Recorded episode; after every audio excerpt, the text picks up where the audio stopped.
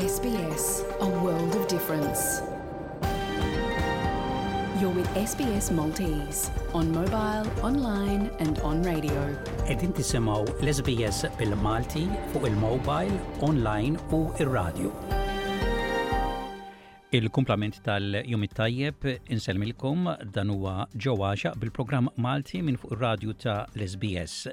Merħba lil dak kollha li qegħdin isegwu din ix-xandira bil-Malti.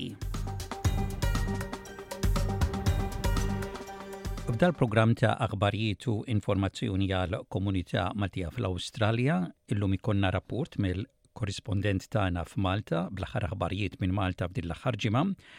Illum se nitkellem mad-direttur u il-producer Malti Awstraljan Julian Gallia dwar il-film li se joħroġ għaluri dal-waqt bl-isem Brothers from Malta. It came about, it actually started eight years ago. My brother James and I were driving back to Sydney, a couple of hours drive, and um, I started talking about like you know Maltese uh, characters and this and that, and we're having a, a joke around and, and, doing some accents. And I said, you know what? I- am going to set my phone up, just improv a bit, and see if there's uh, anything funny, and I'll, I'll edit something together, and we'll see how we go. Mm kind of like almost just imitating dad and our uncles and our family mm. type of thing. That mm. you know the humor that we find funny. Mm. Anyway, so you know we improv some scenes and I, I cut it together. We put it on YouTube and it just went nuts. Everyone in the Maltese community were commenting and sharing it and um, they wanted to see more. So we made another one and did it again, and they wanted to see more. And I said to James, I said, look, okay, we need to make a movie with, with these characters. U l-film Brothers from Malta sar tmien snin wara u ikellimna dwaru Julian Galea aktar tard fil-programm. Fil-programm illum ukoll avviżi stejjer u mużika ta' interess għal komunità Maltija fl-Awstralja fosthom rapport dwar il-mewġa ġdida tal-virus tal-Covid li mistennija qabel il-Milied. Imma nibdew il-programm bħas-soltu b'aġġornament tal-aħbarijiet.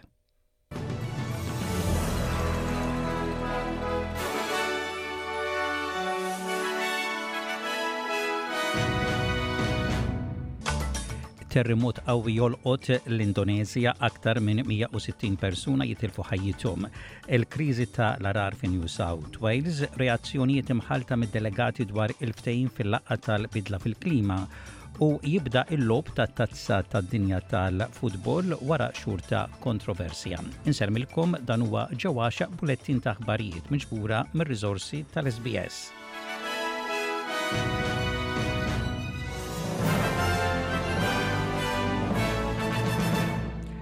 Ħaddiema ta' salvataġġ qegħdin jaħdmu bla serħan ifittxu dawk li jinqabdu taħt it-tifrik wara li terremot li kejjel 5.6 laqat il-provinċja ta' Java fil-Punent ta' l-Indoneżja.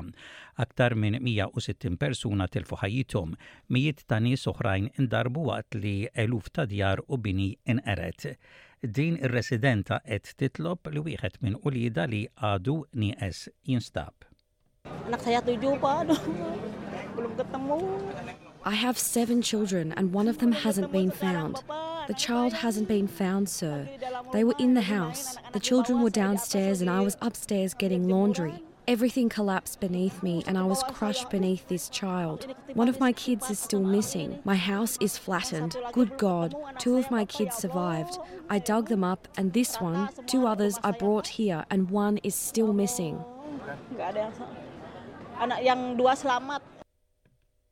L-awtoritajiet jgħidu li jistgħu jgħaddu xhur sħaħ qabel il-kriżi ta' l-għarar fi New South Wales reġjonali tispiċċa, għad hemm twissijiet ta' għarar fl-istat. Il-Ministru ta' l-Immaniġġjar ta' Emerġenza, Mary Watt jgħid li 200 ħaddiema mill-Forza tad-Difiża Awstraljana jinsabu fir-reġjun biex jgħinu fir-rispons ta' l-għarar.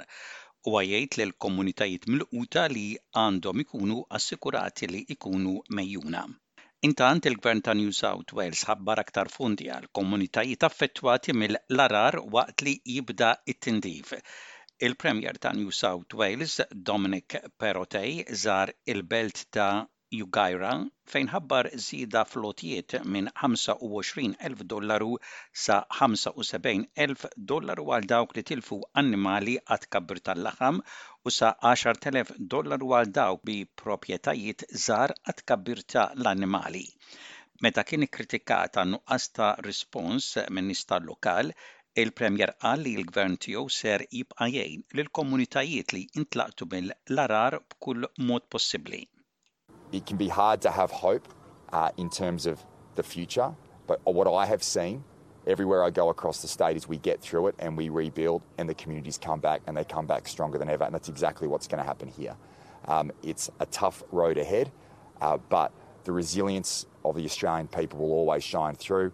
The New South Wales Government will stand side by side with all members who have been affected, all those communities, um, and, uh, and that's, the, that's, that's exactly what we should do. Il-każijiet tal-COVID-19 qegħdin jiżdiedu waqt li mewġa ġdida qed tintroduċi mill-ġdid xi miżuri tas-saħħa. In-numru ta' każijiet fl-akbar tliet stati aktar minn irduppjaw fl-aħħar ġimagħtejn għalkemm in-numru ta' każijiet serji baqa' baxx. Minkejja n-numru jikber ta' infezzjonijiet, New South Wales, Victoria u Queensland irrappurtaw biss 50 persuna fil-kura intensiva. L-awtoritajiet tas-saħħa fi New South Wales, Queensland, Western Australia u l-ACT qegħdin jitolbu lill-pubbliku biex jerġgħu jibdew jintlibsu l-maskri f'areas pubbliċi ġewwa u fuq it-transport pubbliku. New South Wales aġġorna l-periklu tal-COVID-19 għal amber, kulur isfar fuq l-oranġjo li jfisser li l-maskri għandhom jintlibsu fl-isptarijiet. Il-Gvern Federali Awstraljan qed ikompli jitkellem dwar is-suċċessi tiegħu f'serje ta' laqgħat għolja fl-Asja Paċifiku f'dawn l-aħħar jiem li jorbtu l-ħidma internazzjonali tal-Prim Ministru Anthony Albanizi ma' l-aġenda tiegħu fl-Awstralja. F'intervista ma' SBS News, Anthony Albanizi esprima l-fiduċja tiegħu li r-restrizzjonijiet ta' kummerċ li ilaħħqu ma' l-20 biljun dollaru imposti fuq l-Awstralja miċ-Ċina jibdew jitnaqqsu waqt li t-Teżorier Jim Chalmers qal lill-ġurnalisti li kull persuna fl-Awstralja għandha interess f'reġjun aktar prosperu u stabbli. It-Teżorier qal li l-Laburisti huma ppreparati wkoll li jestendu laqgħat tal-Parlament din is-sena fi sforz biex ikun hemm progress dwar ir-riforma tar-relazzjonijiet industrijali kif ukoll il-liġijiet ewlenin li għandhom x'jaqsmu ma' l-akkomodazzjoni, fondi ta' diżastri u l-ħarsien tat-tfal. Dottor Chalmers jgħid li kemm l-attività internazzjonali u dik domestika tal-Gvern għandha l-għan li tistimula l-ekonomija Awstraljana. The policies and proposals that we have before the Parliament These are all about uh, more agreement, They're all about more wages growth and not more conflict. They recognise that after a decade of wage stagnation, we need to fix the bargaining system, particularly for the low paid and in industries dominated by women. And that's why we've put these proposals before the parliament. Il-Premier ta' Victoria, Daniel Andrews irrisponda għal rapporti li l-Oppożizzjoni, il-Partit Liberali, jagħti l-preferenzi tiegħu fuq il-karti tal-votazzjoni lil kandidat ta' partit estremist qabel il-Laburisti. Il-kandidat ta' United Australia pubblikament kien talab biex il-Premier, Daniel Andrews, ikun arrestat, jgħaddi ġuri u jinstab ħati minħabba l-miżuri tal-lockdown tal-COVID-19. Waqt li kien qed jitkellem b'mod aktar ġenerali, Daniel Andrews wissa kontra gruppi politikament estremisti jikkuntestaw f'elezzjoni statali. Nazis, that's how he's getting preferences from the Liberal Party, and racists, and conspiracy theory, conspiracy theorists is the most polite way you could describe some of the people that the Liberals are preferencing.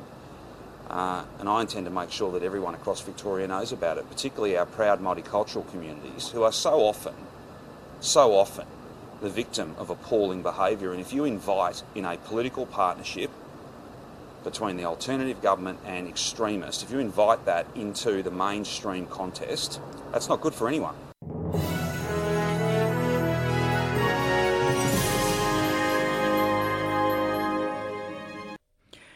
Fl-isport beda il-logħob tat-Tazza tad-Dinja tal-FIFA wara xhur ta' kontroversja. Iċ-ċerimonja spettakolari tal-ftuħ kienet tinkludi lill-attur ta' Hollywood Morgan Freeman, li kienet ta' sorpriża għal ħafna meta kien l-Ambaxxatur tal-Istati Uniti fl-isforz biex l-Istati Uniti tirbaħ li tospita dan il-logħob. It-turnament kien imniedi uffiċjalment mill-President tal-FIFA Gianni Infantino.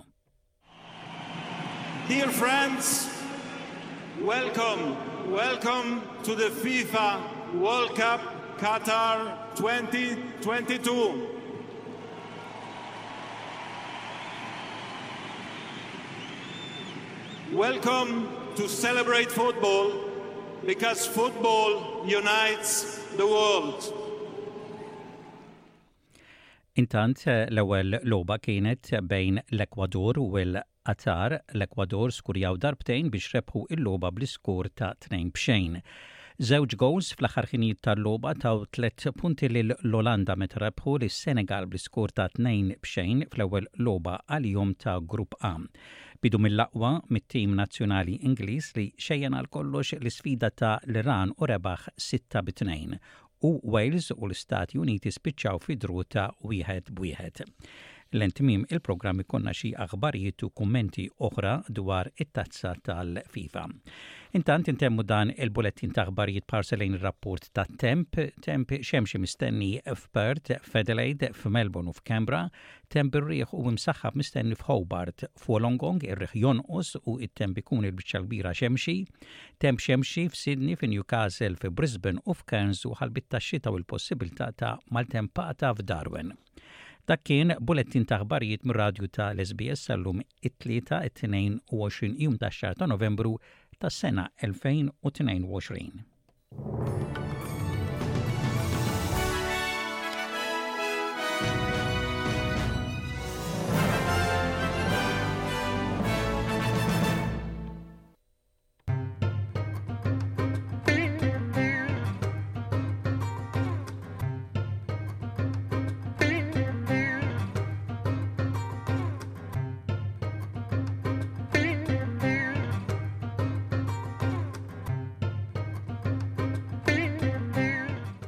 Edin tisimaw il-program bil-Malti minn fuq il-radju ta' l-SBS, program li qed jaslilkom f'xandira diretta għal darbohra dan huwa ġewwaxa. Inselmilkom waqt li natikom merħba u nawguralkom il-komplement tal-jum it-tajjeb. Għal ħafna dilettanti tal-futbol, xalata ta' lob kmini fil-ħodu blaqwa timijiet u players tad-dinja jikkompetu fl-aqwa turnament tal-futbol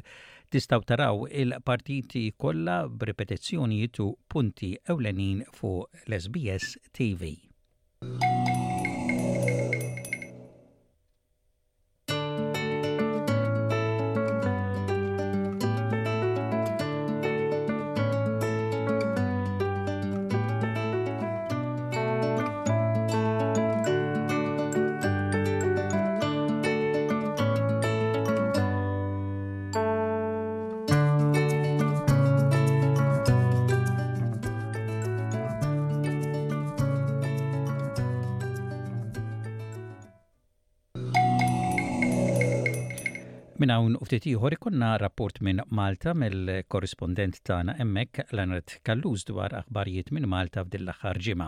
Fil-programm illum se nitkellem mad-direttur Malti Awstraljan Julian Gallia dwar Il-film ġdid tiegħu Brothers from Malta li ser joħroġ ċarweri fl-Awstralja dalwaqt. Sadattant ngħaddu għal dan ir-rapport mill-Kamra tal-Aħbarijiet tal-SBS dwar il-virus tal-Covid li qed jerġa' jibda jinxtered. Żmien li waqt li deħlina l-istaġun tal-milied u l-ewwel tas-sena tajjeb li ikonna it-tilqimiet li għandna bżonn u li niċċekkjaw għal virus bir-rapid antigen tests qabel noħorġu x'imkien.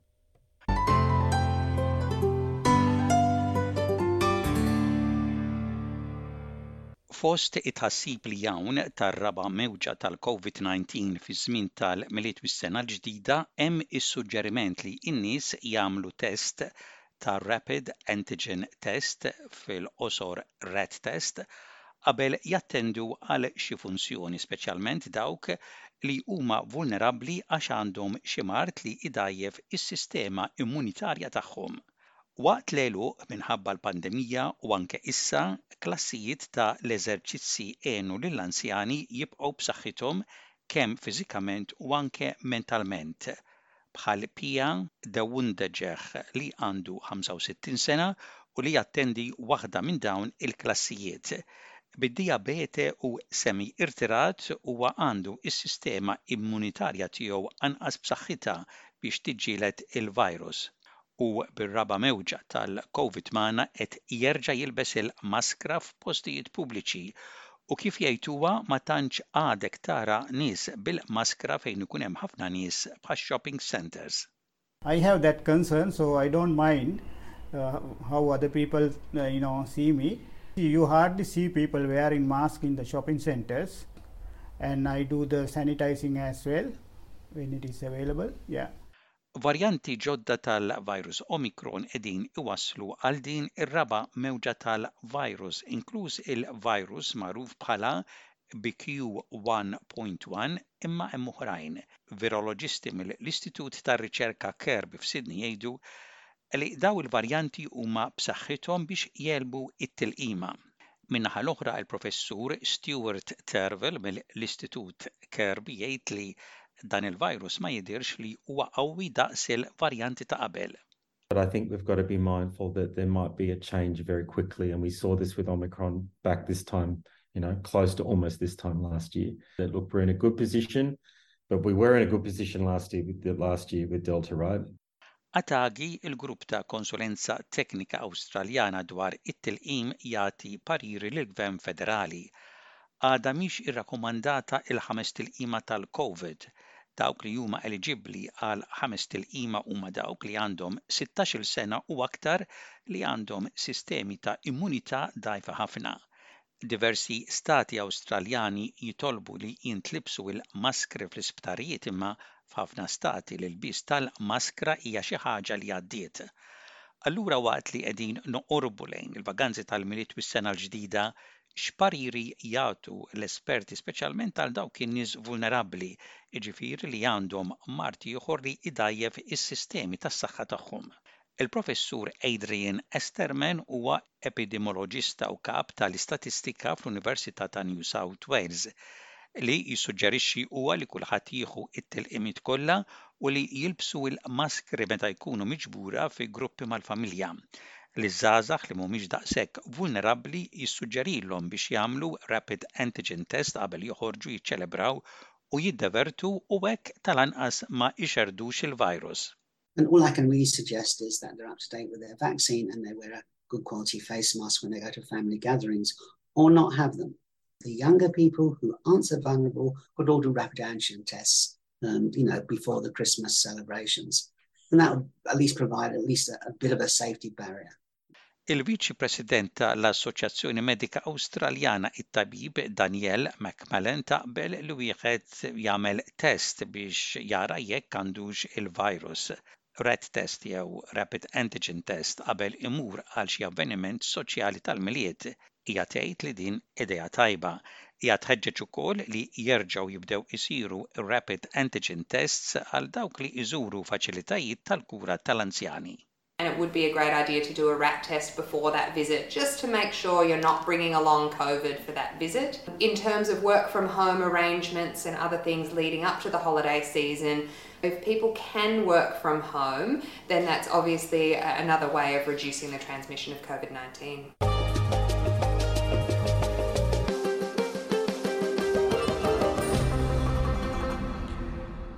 Da kien rapport mill-Kamra ta' l-Aħbarijiet ta' l-SBS dwar il-parir li tajjeb li niċċekkjaw għal virus bir-rapid antigen test qabel noħorġu x'imkien u li nilbsu l-maskri. Issa li deħlin fil-vaganzi tal-Milied u l-ewwel tas-sena u l-virus tal-COVID-19 reġa' beda jinxtered. Qegħdin tisimgħu l-programm bil-Malti minn fuq ir-radju ta' l-SBS dan huwa programm li qed jaslilkom f'xandira diretta. Inkomplu il-programm billi ngħaddu għal dan ir-rapport ta' aħbarijiet minn Malta mill-korrispondent tagħna hemmhekk Leonard Kallus.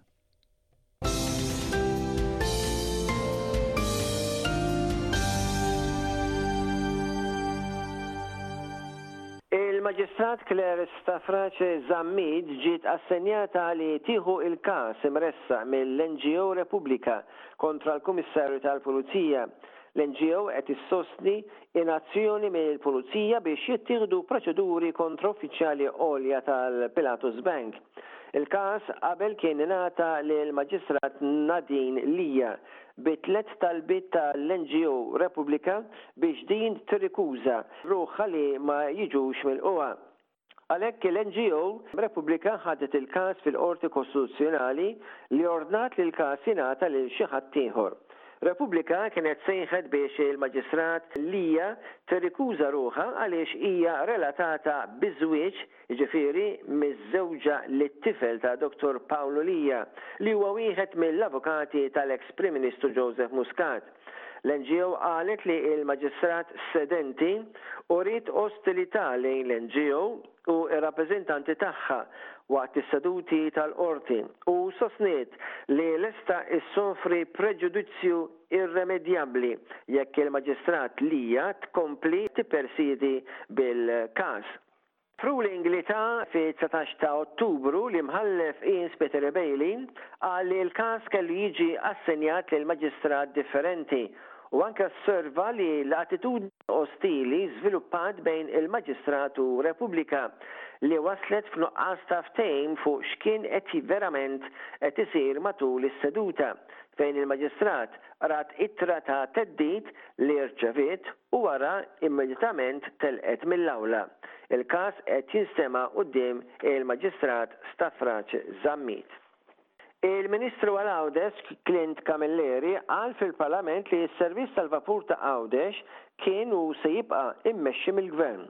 Il-Ministru Camilleri assigura il-Parlament li s-servizz jibqa' jitmexxa mill-Gvern meta kien qed jitkellem kif se jkun affettwat Għawdex mill-Budget 2023.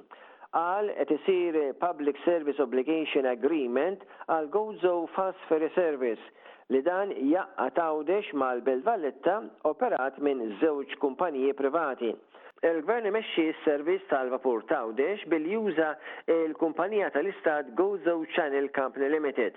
permezz tal-kuntratt imsejjaħ Public Service Obligation, li tippermettilha li jissussidja s-servizz essenzjali mingħajr ma jikser ir-regoli ta' għajnuna statali, state aid, ta' l-Unjoni Ewropea. Meta rreaġixxa għal dak li qal id-Deputat Nazzjonalista Għawdxi, Alex Borg, li Għawdex kellu tnaqqis ta' ħamsa fil-mija fl-investiment, L-istess Ministru Camilleri qal li 60 miljun ewro f'fondi Ewropej li Malta rċeviet permezz tal-Fond għall-Iżvilupp Urban se jkunu direttament kollha għall-gżira Għawdxija. Id-Dwana ta' Malta interċettat iktar minn 51 elf ewro fi flus kontanti. Din saret minn uffiċjali tad-Dwana x-xahar l-ieħor waqt spezzjonijiet fuq nies li kienu qed iħallu l-Ajruport Internazzjonali ta' Malta.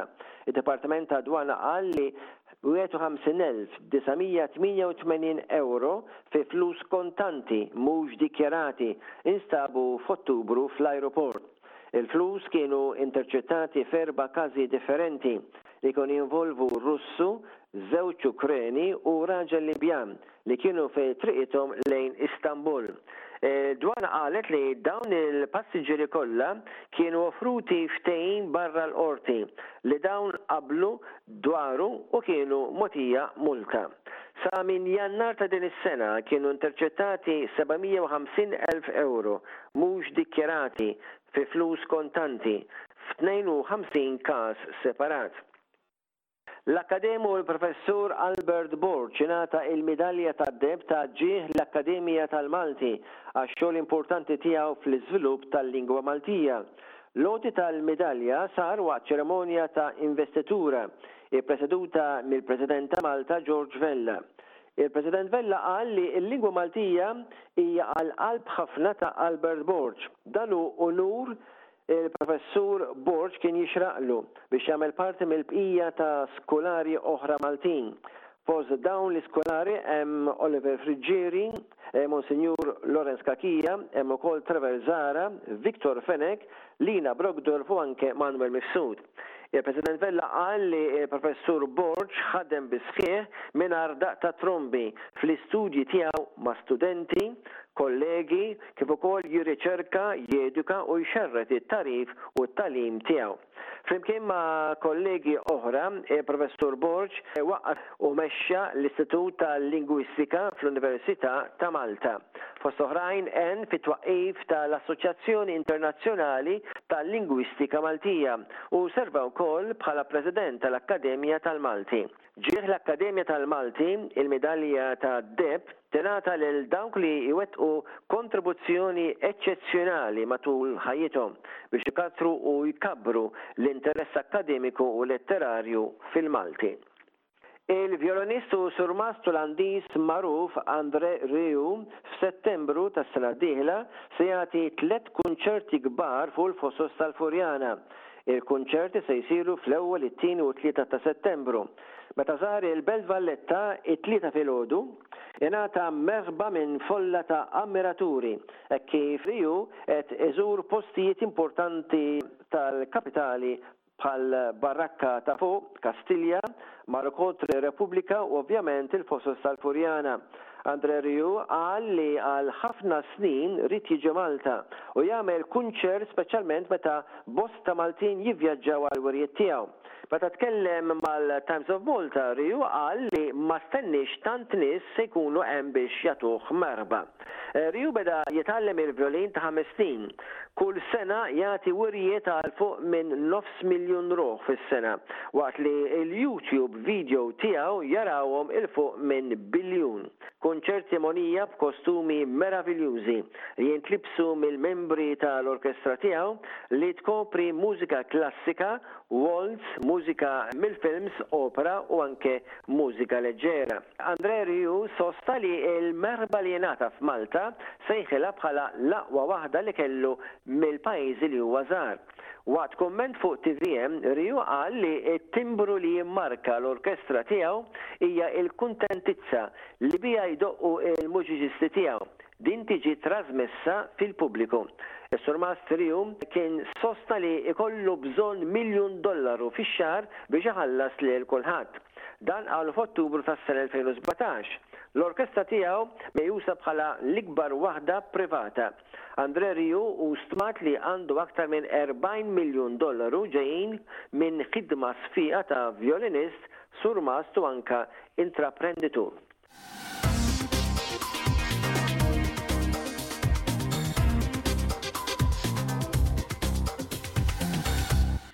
U dak kien il-korrispondent tagħna Leonard Callus jirrapporta minn Malta.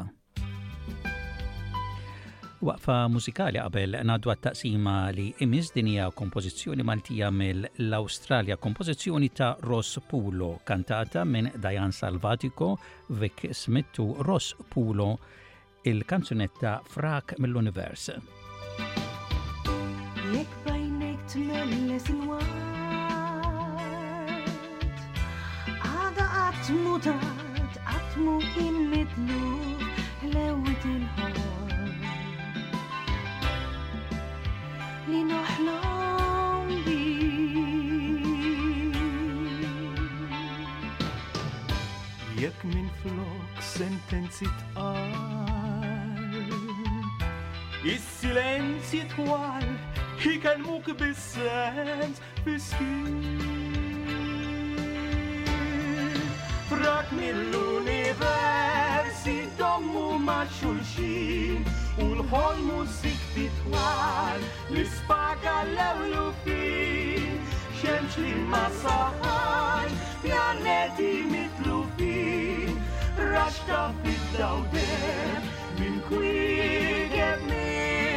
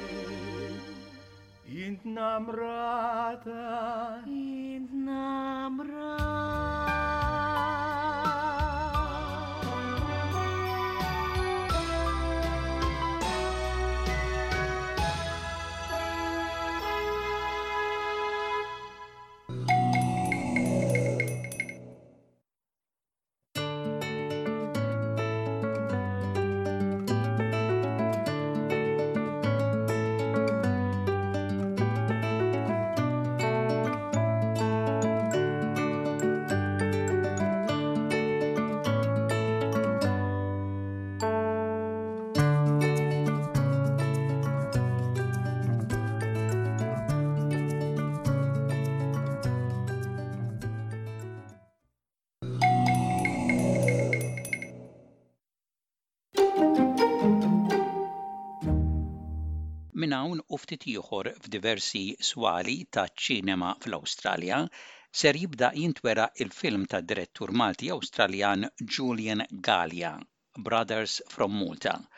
Huwa l-ewwel film komiku tax-xorta tiegħu dwar il-karattru tal-Malti Awstraljan. Julian Galea li trabba f'familja Malti Awstraljana kiber imdawwar minn esperjenzi komiċi li insibu f'dan il-film. Billi kiber fl-Awstralja, Julian Galea ikellimna bl-Ingliż u imbagħad fil-qosor ngħid dak li jkun qal bil-Malti. Bdejt biex staqsejtu dwar ix-xogħol tiegħu f'dan il-film ta' direttur, producer, kittieb u anke wieħed mill-karattri ewlenin. I didn't intend to do all that but it was more out of necessity of trying to bring the budget down and, and uh, make this film. So it came about, it actually started eight years ago. My brother James and I were driving back to Sydney, a couple of hours drive. And um, I started talking about like, you know, Maltese uh, characters and this and that. And we're having a, a joke around and, and, doing some accents.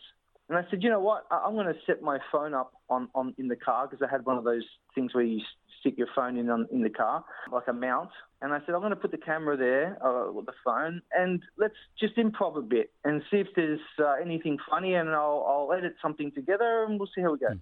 We did that, and like we recorded maybe 10 minutes of us just improving some scenes about these two Maltese characters, two brothers, kind of like almost just imitating dad and our uncles and our family hmm. type of thing that mm you know, the humour that we find funny. Mm. Anyway, so, you know, we improv some scenes and I, I cut it together. We put it on YouTube and it just went nuts. Everyone in the Maltese community were commenting and sharing it and um, they wanted to see more. So we made another one and did it again, and they wanted to see more.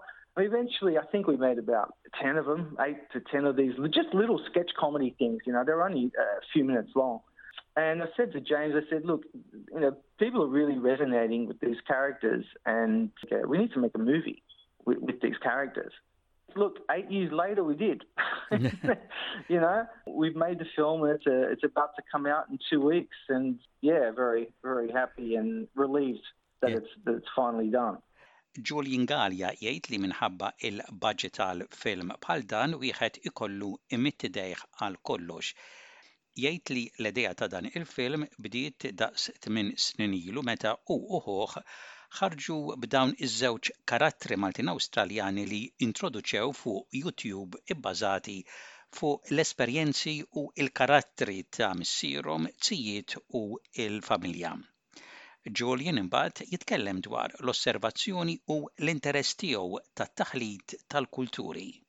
I find crossing cultures very interesting, whether it be Maltese and Australian or whether it be American and something else. In my travels, I've always found it very interesting how uh, wherever I've gone, you know, there's a different way of life. People talk about different things. They think about different things. You know, they eat a different way. They eat different food. I just find that very interesting. But growing up in a large Maltese family, in Australia. My parents immigrated to um, Australia in the 60s. found them to be very funny, like their thought process, the way they think about things. I always thought that my dad was like living on another planet, you know. And when when we try to explain to him certain things, he wouldn't agree. He would, you know, swear a bit or whatever, and sort of move on. And like we just we just found that really funny. Like it was kind of like these old school Maltese values juxtaposed against the progressive new Australian way of life. James and I sort of witnessed that throughout our childhood and growing up. These, uh, yeah, these characters, I guess, came, came out of us just growing up in a, in a Maltese household. Just the way even Australians would react, you know, our food that we eat, like every day I'd take, you know, Hobbs Bizet to to, to, school for lunch, and people, you know, the Aussie kids would make fun of me and stuff. I mean, you know, you kind of heard the, a similar story, but it was true you know, I'd take Pudina to, to school as well, and he'd go, "What's that?" You know, and it's going. It's pudding, It's bread pudding, his, you know. Now today, like these days, there's you know a lot of multicultural places and, and food outlets and so forth that people go, and it's a lot more accepted now. You know, but back when I was growing up, it kind of wasn't. We, you know, we were different. Australians were not as open and accepting of different people's cultures. Julian Galea jgħid li dejjem interessa ruħu kif il-kulturi differenti jitħalltu flimkien. L-ikel, id-drawwiet huma differenti. Jiftakar jikber f'familja kbira Maltija u hu u ħuh, li jieħu sehem ukoll f'dan il-film, kienu jaraw ħafna minn dawn il-manjieri minn naħa aktar umoristika. Jiftakar lil missieru qisu f'dinja oħra jasal l-Awstralja minn Malta fis-snin sittin f'pajjiż bħall-Awstralja b'valuri differenti u aktar progressivi. L-istess sħabu tal-iskola ma kinux jafu x'inhu ħobż biż-żejt jew pudina li kien jieħu miegħu għax għalihom kien ikel stramb, mhux bħal-lum fl-Awstralja multikulturali l-affarijiet huma aktar aċċettati. Fl-ambjent li trabba fih l-Awstralja imbagħad staqsejt lil Julian jekk meta marx Malta għall-ewwel darba fehmx aktar il-karattru Malti. Oh my God, I remember when the first time I got to Malta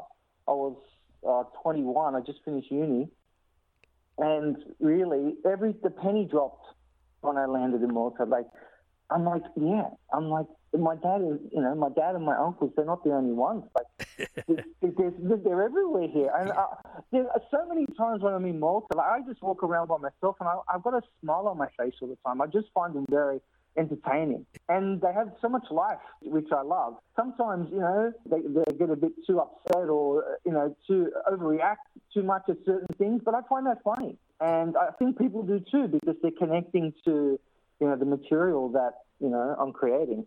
Julian jgħid li meta mar Malta għall-ewwel darba meta kellu 21 sena baqa' skantat u fehem għall-ewwel darba li mhux biss Missieru u t-tiju kienu jaġixxu hekk. Qal li jitbissem meta jara daw il-karattri mimlija ħajja. Kultant rashom daqsxejn sħuna. Staqsejtu mbagħad dwar xiex jittratta l-film u l-karattri, speċjalment ta' oħtu li nsibu fil-film. Yes, we also, for the sister character, because um, the movie's about these two Maltese brothers, Joe and Charlie. They don't get along. They haven't spoken to each other in seven years, even though they live next door to each other in um, Australia, right? They get a, um, a call from their sister who's been living in LA for the last 10 years. And they get a call from her and tells them that she's dying and she wants to be with them and she wants them over there. Hmm. So they, then they're forced to fly to California to be with her. Find out that she's been taken to a hospital on the other side of California. Then they're forced to road trip together to the other side of California to break her out of hospital because she doesn't want to die in a hospital. That's kind of what what the film's mm. about. But they also for the sister character. When I remember when we were casting the movie, it was very important that the sister obviously be Maltese as well, right? I found it hard in the casting process to find a Maltese actress, whether it be from Malta or from Australia or America even, that was going to play this character because if, if she didn't come off to be authentic, then it would kind of spoil the movie. And what we ended up casting was my cousin Liza Galia. And as kids, you know, me, James, and Liza and her sisters, we'd all sort of play around with these accents and, and make fun of our parents and stuff as well. So, like, she knew this character back to front. Mm. So I, I flew her to LA, and um, yeah, she's she's in the movie and she plays our sister Josephine in, in, the movie. But throughout the film, to get back to your story about you know what's more season this and that, obviously the uh, you know the brothers and the sister. It's about this family. It's all about family. That's what this movie's about. You know the, the things that they talk about. Yeah, it was filmed in not just LA. It was filmed in LA and also parts of California, um, and it also in Australia as well. Yeah. But most of the film takes place in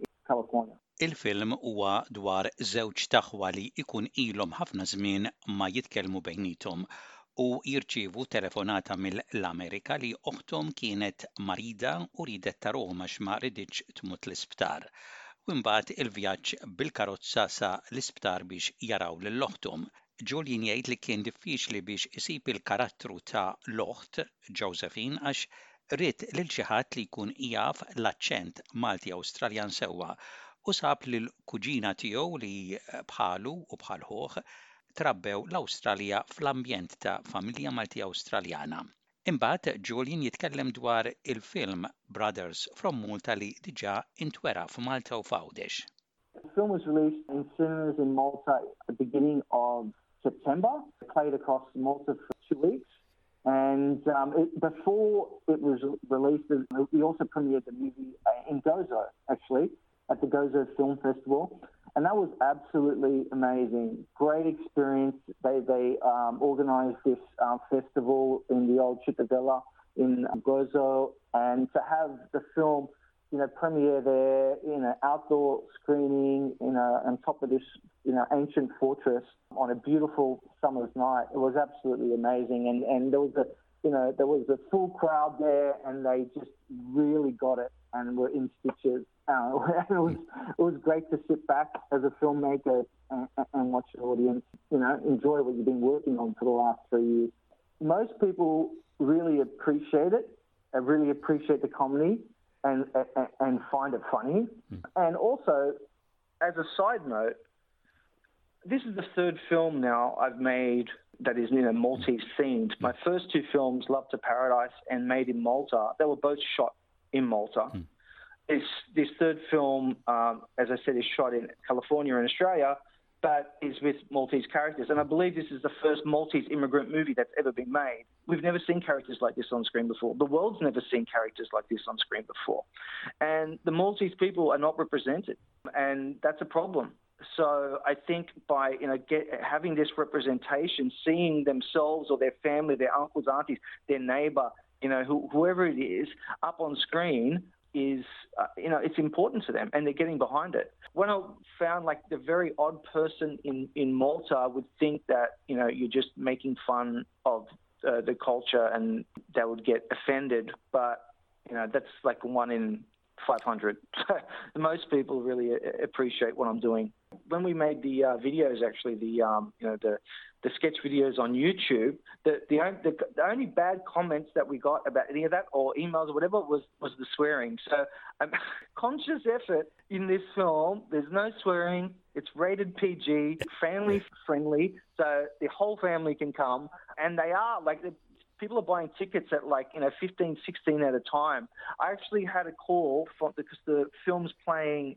There's two locations in Sydney. It's premiering at the Ramrick Ritz on the 30th of November, and then on the 1st of December it opens in Western Sydney in Richmond, the Richmond region. And I actually had the owner call me yesterday, and he said to me that he has never sold so many tickets to a movie ever, and they've owned that cinema for three years now the word's getting out in the Maltese community. People want to see this film. You know, they want to see themselves represented, and I hope that they really have a good ride and, and enjoy the film, which I'm quietly confident that they will. What about other states in Australia? Also playing in Melbourne at Lido Cinemas. It's playing uh, in Hawthorn uh, in Melbourne on the 4th of December. It's also playing in Brisbane on the 4th of December as well at New Farm Cinemas. And we're trying to lock in other states as well, Adelaide and Hobart and Tasmania. I'm in discussions at the moment with, with several cinemas, so we're trying to get some screenings there as well. Julian Galea jgħid li l-film intwera f'Malta u f'Għawdex f'Settembru li għadda u jsemmi b'mod partikolari l-wirja fiċ-Ċittadella t'Għawdex li ma jinsiex f'dak l-ambjent storiku b'ħafna nies li marru jaraw il-film.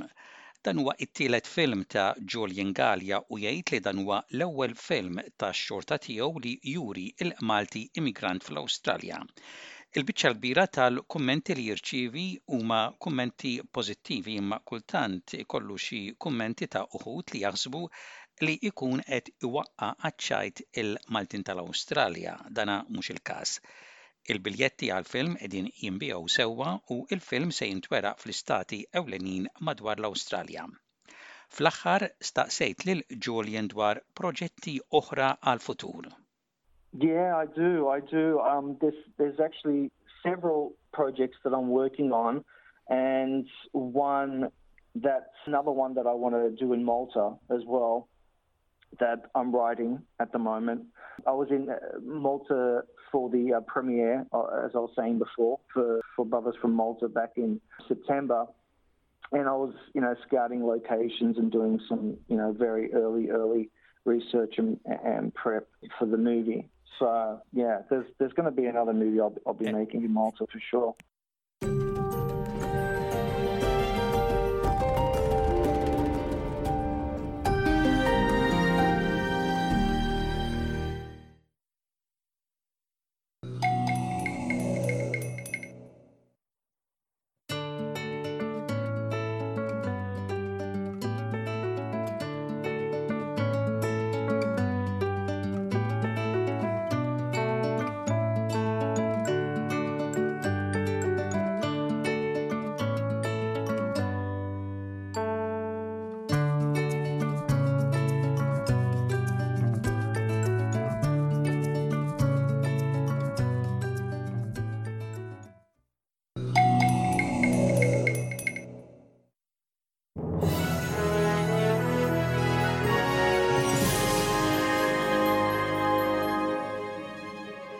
Ngħaddu għal xi aħbarijiet mit-Tazza Dinjija tal-FIFA. Kien hemm reazzjonijiet negattivi għas-segwaċi tal-futbol madwar id-dinja dwar il-projbizzjoni mill-Qatar ta' birra alkoħolika waqt il-logħbiet tat-Tazza tad-Dinja tal-FIFA. Din id-deċiżjoni intlaqgħet tajjeb mill-Musulmani konservattivi tal-pajjiż u b'mod negattiv minn xi segwaċi tal-futbol li marru hemmhekk jaraw il-logħob u jiċċelebraw. Isaac Garcia li jivvjaġġa mill-Messiku għal-logħob tat-Tazza tad-Dinja jgħid li din hija deċiżjoni negattiva minħabba il-parties li wieħed jattendi f'logħob bħal dan. From the theme of the alcohol and that stuff, that's a kind of hard thing because you came to a World Cup and you think it's going to be a lot of party, the people, you know. So when you don't have it, we're going to look for how is, the fun with that but It doesn't make a like it's demanding or it's just uh, necessary, but we, we will see how is the World Cup going. Il-President tal-FIFA Gianni Infantino rrisponda għal kritika kontra il-Qatar li qed jospita t-Tazza tad-Dinja minn pajjiżi tal-Punent. Il-korp dinji tal-futbol kien attakkat għad-deċiżjoni tiegħu li dan il-logħob isir f'pajjiż Musulman fejn Id-drittijiet tal-ħaddiema migranti u l-LGBTQ plus huma ttrattati ħażin. F'diskors ta' siegħa f'Doha lejliet it-Tazza tad-Dinja Infantino qabbel lilu nnifsu u l-ħaddiema migranti marġinalizzati billi qal li huwa bħala tifel kien ibbuljat. Today I feel uh, Qatari. Today I feel Arab.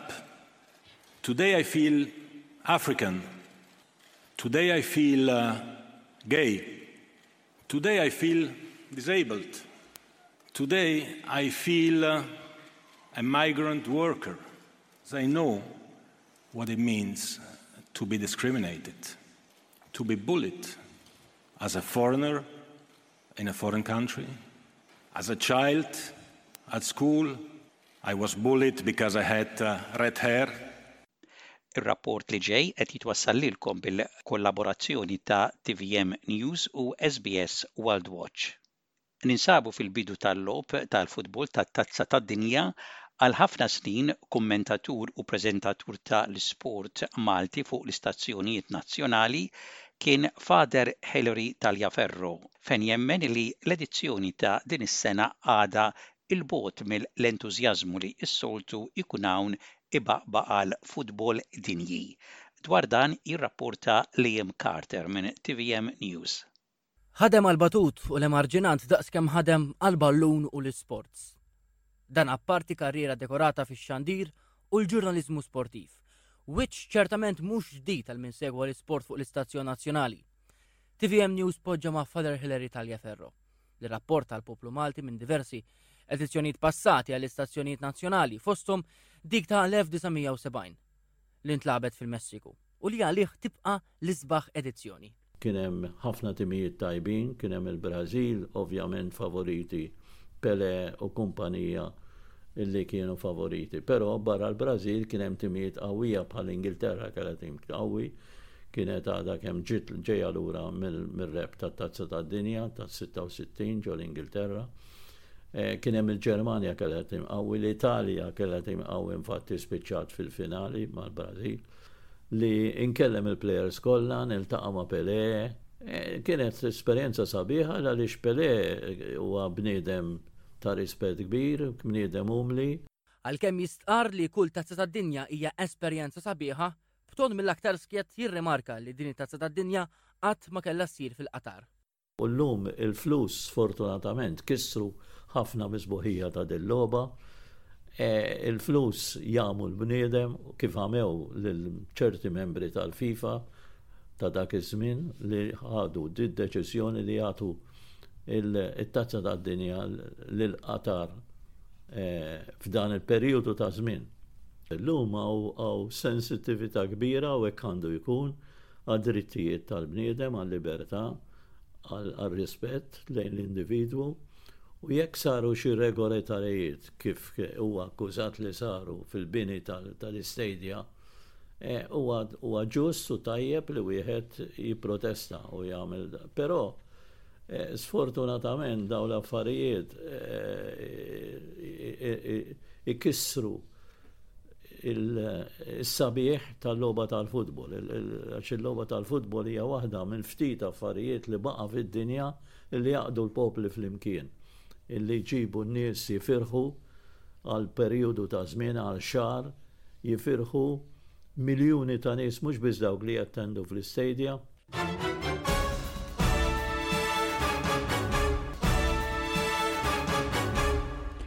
Dawk kienu xi aħbarijiet me tazza tad-dinja u waqt li qed noqorbu lejn tmiem ix-xandira nagħtu ħarsa issa lejn xi avvenimenti u servizzi fil-komunitajiet tagħna fl-istati ta' Victoria u New South Wales. Il-Klab Għanija Maltin fil-Victoria qed jorganizza quddiesa t-Tlieta id-29 ta' Novembru se titqaddes minn Dun Edwen Agius. Din tkun fis-sitta u nofs ta' filgħaxija. Fis-sitta u nofs ikun hemm ir-Rużarju u mbagħad fis-seba' tibda l-quddiesa. L-komunità Maltija hija mistiedna biex tattendi. L-Stella Maris Maltese Association fil-Victoria ser ikollhom il-laqgħa ġenerali annwali tagħhom il-Ħadd il-11 ta' Diċembru fis-sagħtejn u nofs ta' wara nofsinhar fis-sala tal-Knisa ta' Saint Joseph f'North Reservoir. Wara l-laqgħa jkollhom il-party tal-Milied, il-membri kollha huma mistiedna biex jattendu. It-Tnejn it-19 ta' Diċembru, il-Maltese Australian Women's Association ta' New South Wales jorganizzaw quddisa għal membri u kull min jixtieq jattendi din ser issir fil-Kappella ta' San Pawl, De Piro House, Stanley Street, Sydney. Din ser issir ukoll biex jiċċelebraw Il-Milied issir fl-għaxra u nofs ta' filgħodu u jqaddes il-Kappillan tal-Għaqda, ir-Reverendu Dun Tarċisio Micallef tas-Soċjetà Missjunarja ta' San Pawl. Wara jkun hemm ikel u kikra te u kafè. Il-Maltese Australian Women's Association se jerġgħu wkoll jibdew jiltaqgħu f'De Piro House Il-ġurnata se tibda tkun nhar ta' Tnejn skont l-avviżi li jingħataw kull xahar. Kull min jixtieq jattendi jista' jċempel lill-President Joyce, 9718295, jew lil Antoinette, 04386399986. Huwa importanti li iċċemplu u tħallu messaġġ jekk tkunu sa tattendu. L-Għaqda ta' San Gejtanu fil-Victoria qegħdin organizzaw lanċ tal-Milied il-Ħadd il-11 ta' Diċembru fis-sala tal-Parroċċa ta' Saint Martin de Porres, Avondale Heights minn nofsinhar 'il quddiem. Biex tibbukkjaw u għal aktar tagħrif tistgħu iċċemplu lil Rita 9331 1430.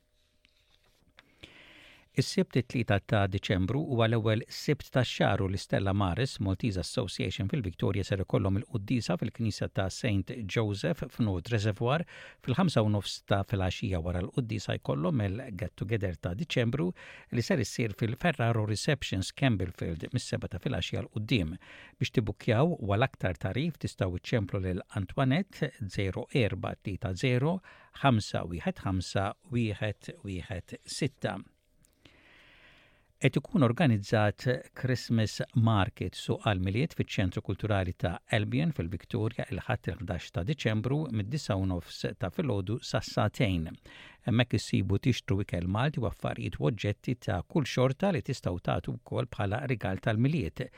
Jekk hemm xi ħadd li għandu xi prodotti u oġġetti li jistgħu jinbiegħu f'dan l-ambjent għad hemm postijiet fejn wieħed ikun jista' jagħmel l-istall tiegħu. Ikun hemm ukoll mużika u daqq tal-Milied. Għal kull informazzjoni tistgħu ċċemplu lil Mark 0400 307 945. Is-Sibt it-Tlieta ta' Diċembru huwa l-ewwel Sibt tax-xahar u fis-Santwarju tal-Madonna ta' Pinu Bacchus Marsh fil-Victoria, fis-sagħtejn ta' waranofsinhar ikun hemm ir-Rużarju, quddiesa u barka sagramentali, kulħadd huwa mistieden biex jattendi.